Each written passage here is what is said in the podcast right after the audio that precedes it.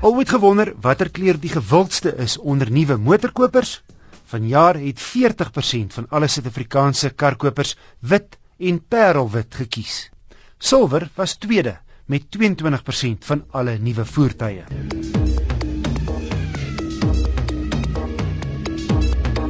Die Desembervakansie lê om die draai en miljoene Suid-Afrikaners gaan die lankpad aandurf vir 'n welverdiende blaaskans.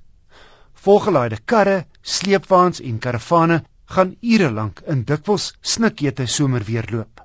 Die vraag is: maak jy seker dat jou voertuig gereed en veilig is vir die lankpad? Of klim eenvoudig in, skakel aan, laat waai en hoop vir die beste? Rob Hanfield Jones die bestuurende direkteur van driving.co.za verduidelik wat die belangrikste goed is om na te gaan voordat jy vertrek. Ek dink die belangrikste sal wees om seker te maak dat jou veiligheidskritiese artikels op die voertuig padwaardig is en daar sal ek seker by die bande en die remme wou begin. Wanneer laas het almal na hulle remme gekyk en gekyk of die remkussings nie dalk amper deurgesluit is nie, dat die bande nie afgeloop is nie of krake of snye of so in het. So ek dink dis waar mense moet begin en nadat 'n mens na daai veiligheidskritiese goed gekyk het, dan moet jy na ander dinge kyk. Soos byvoorbeeld een ding, as 'n mens in die aand gaan ry, wanneer laas uh, het die gemiddelde bestuurder gekyk of sy vensters binne skoon is, dat daar nie daai wasem teen die vensters opgebou is wat die weerkaatsing van ander ligte as 'n mens saans ry kan vererger nie. So hmm. sulke goed, jy weet die goed waarna mense gewoonlik deur die jaar as jy dag tot dag werk toe en huis toe ry sal kyk, word nou hierdie tyd van die jaar meer belangrik. Rob en uh, dis ook belangrik om na jou banddruk te kyk en wanneer jou banddruk gemeet word, moet jou bande nie warm wees nie want warm lig sit uit en dan gaan hy 'n hoër lesing toon as wat die bande in werklikheid is.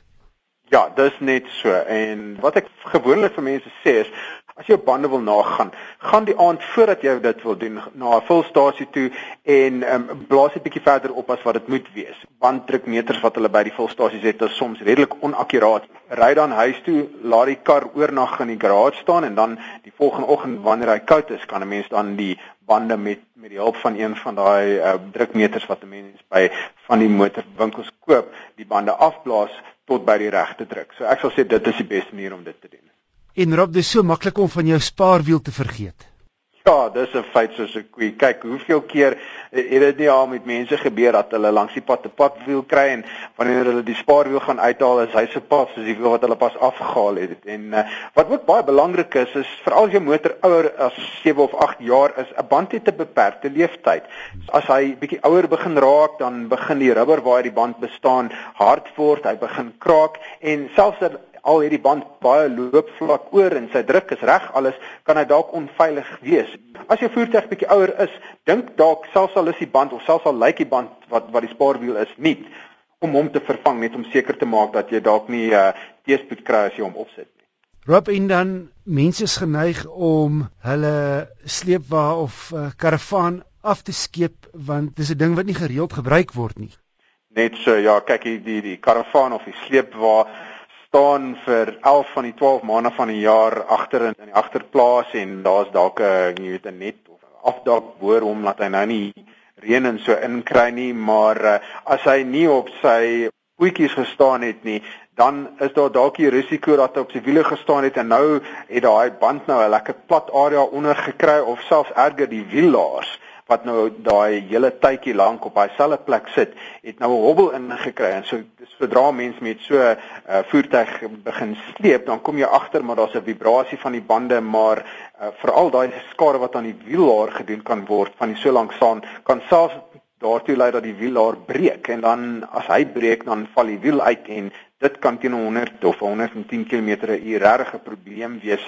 Selfs al kry jy dit reg om die voertuig of die kombinasie voertuig onder beheer te hou as daai band dalk in 'n in 'n voetganger raak vlieg of 'n aankomende motor teen die voorry tref kan daar groot ongeluk ontstaan. So dis regtig belangrik dat enige ou wat die langpad met 'n karavaan gaan sleep of so iets seker moet wees dat daai wiellaas en die banddrukke van daai karavaan as as ook die die kondisie van daai bande tip-top moet en die dag of eintlik die week voor daar vertrek word kyk dat die koppelings en al die ligte en flikkerligte mooi werk op die woonwa en die sleepwa.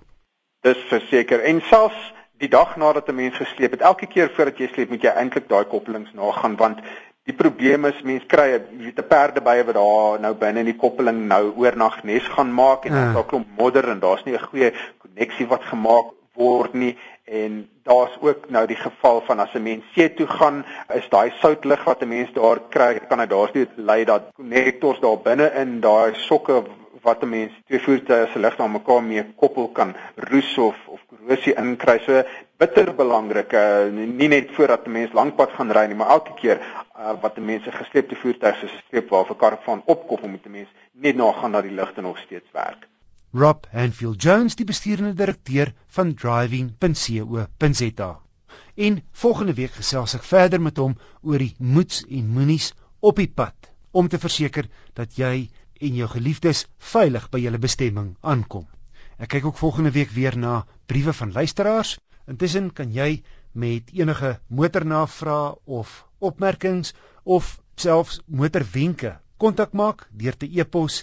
Die adres is wissel@rsg.co.za.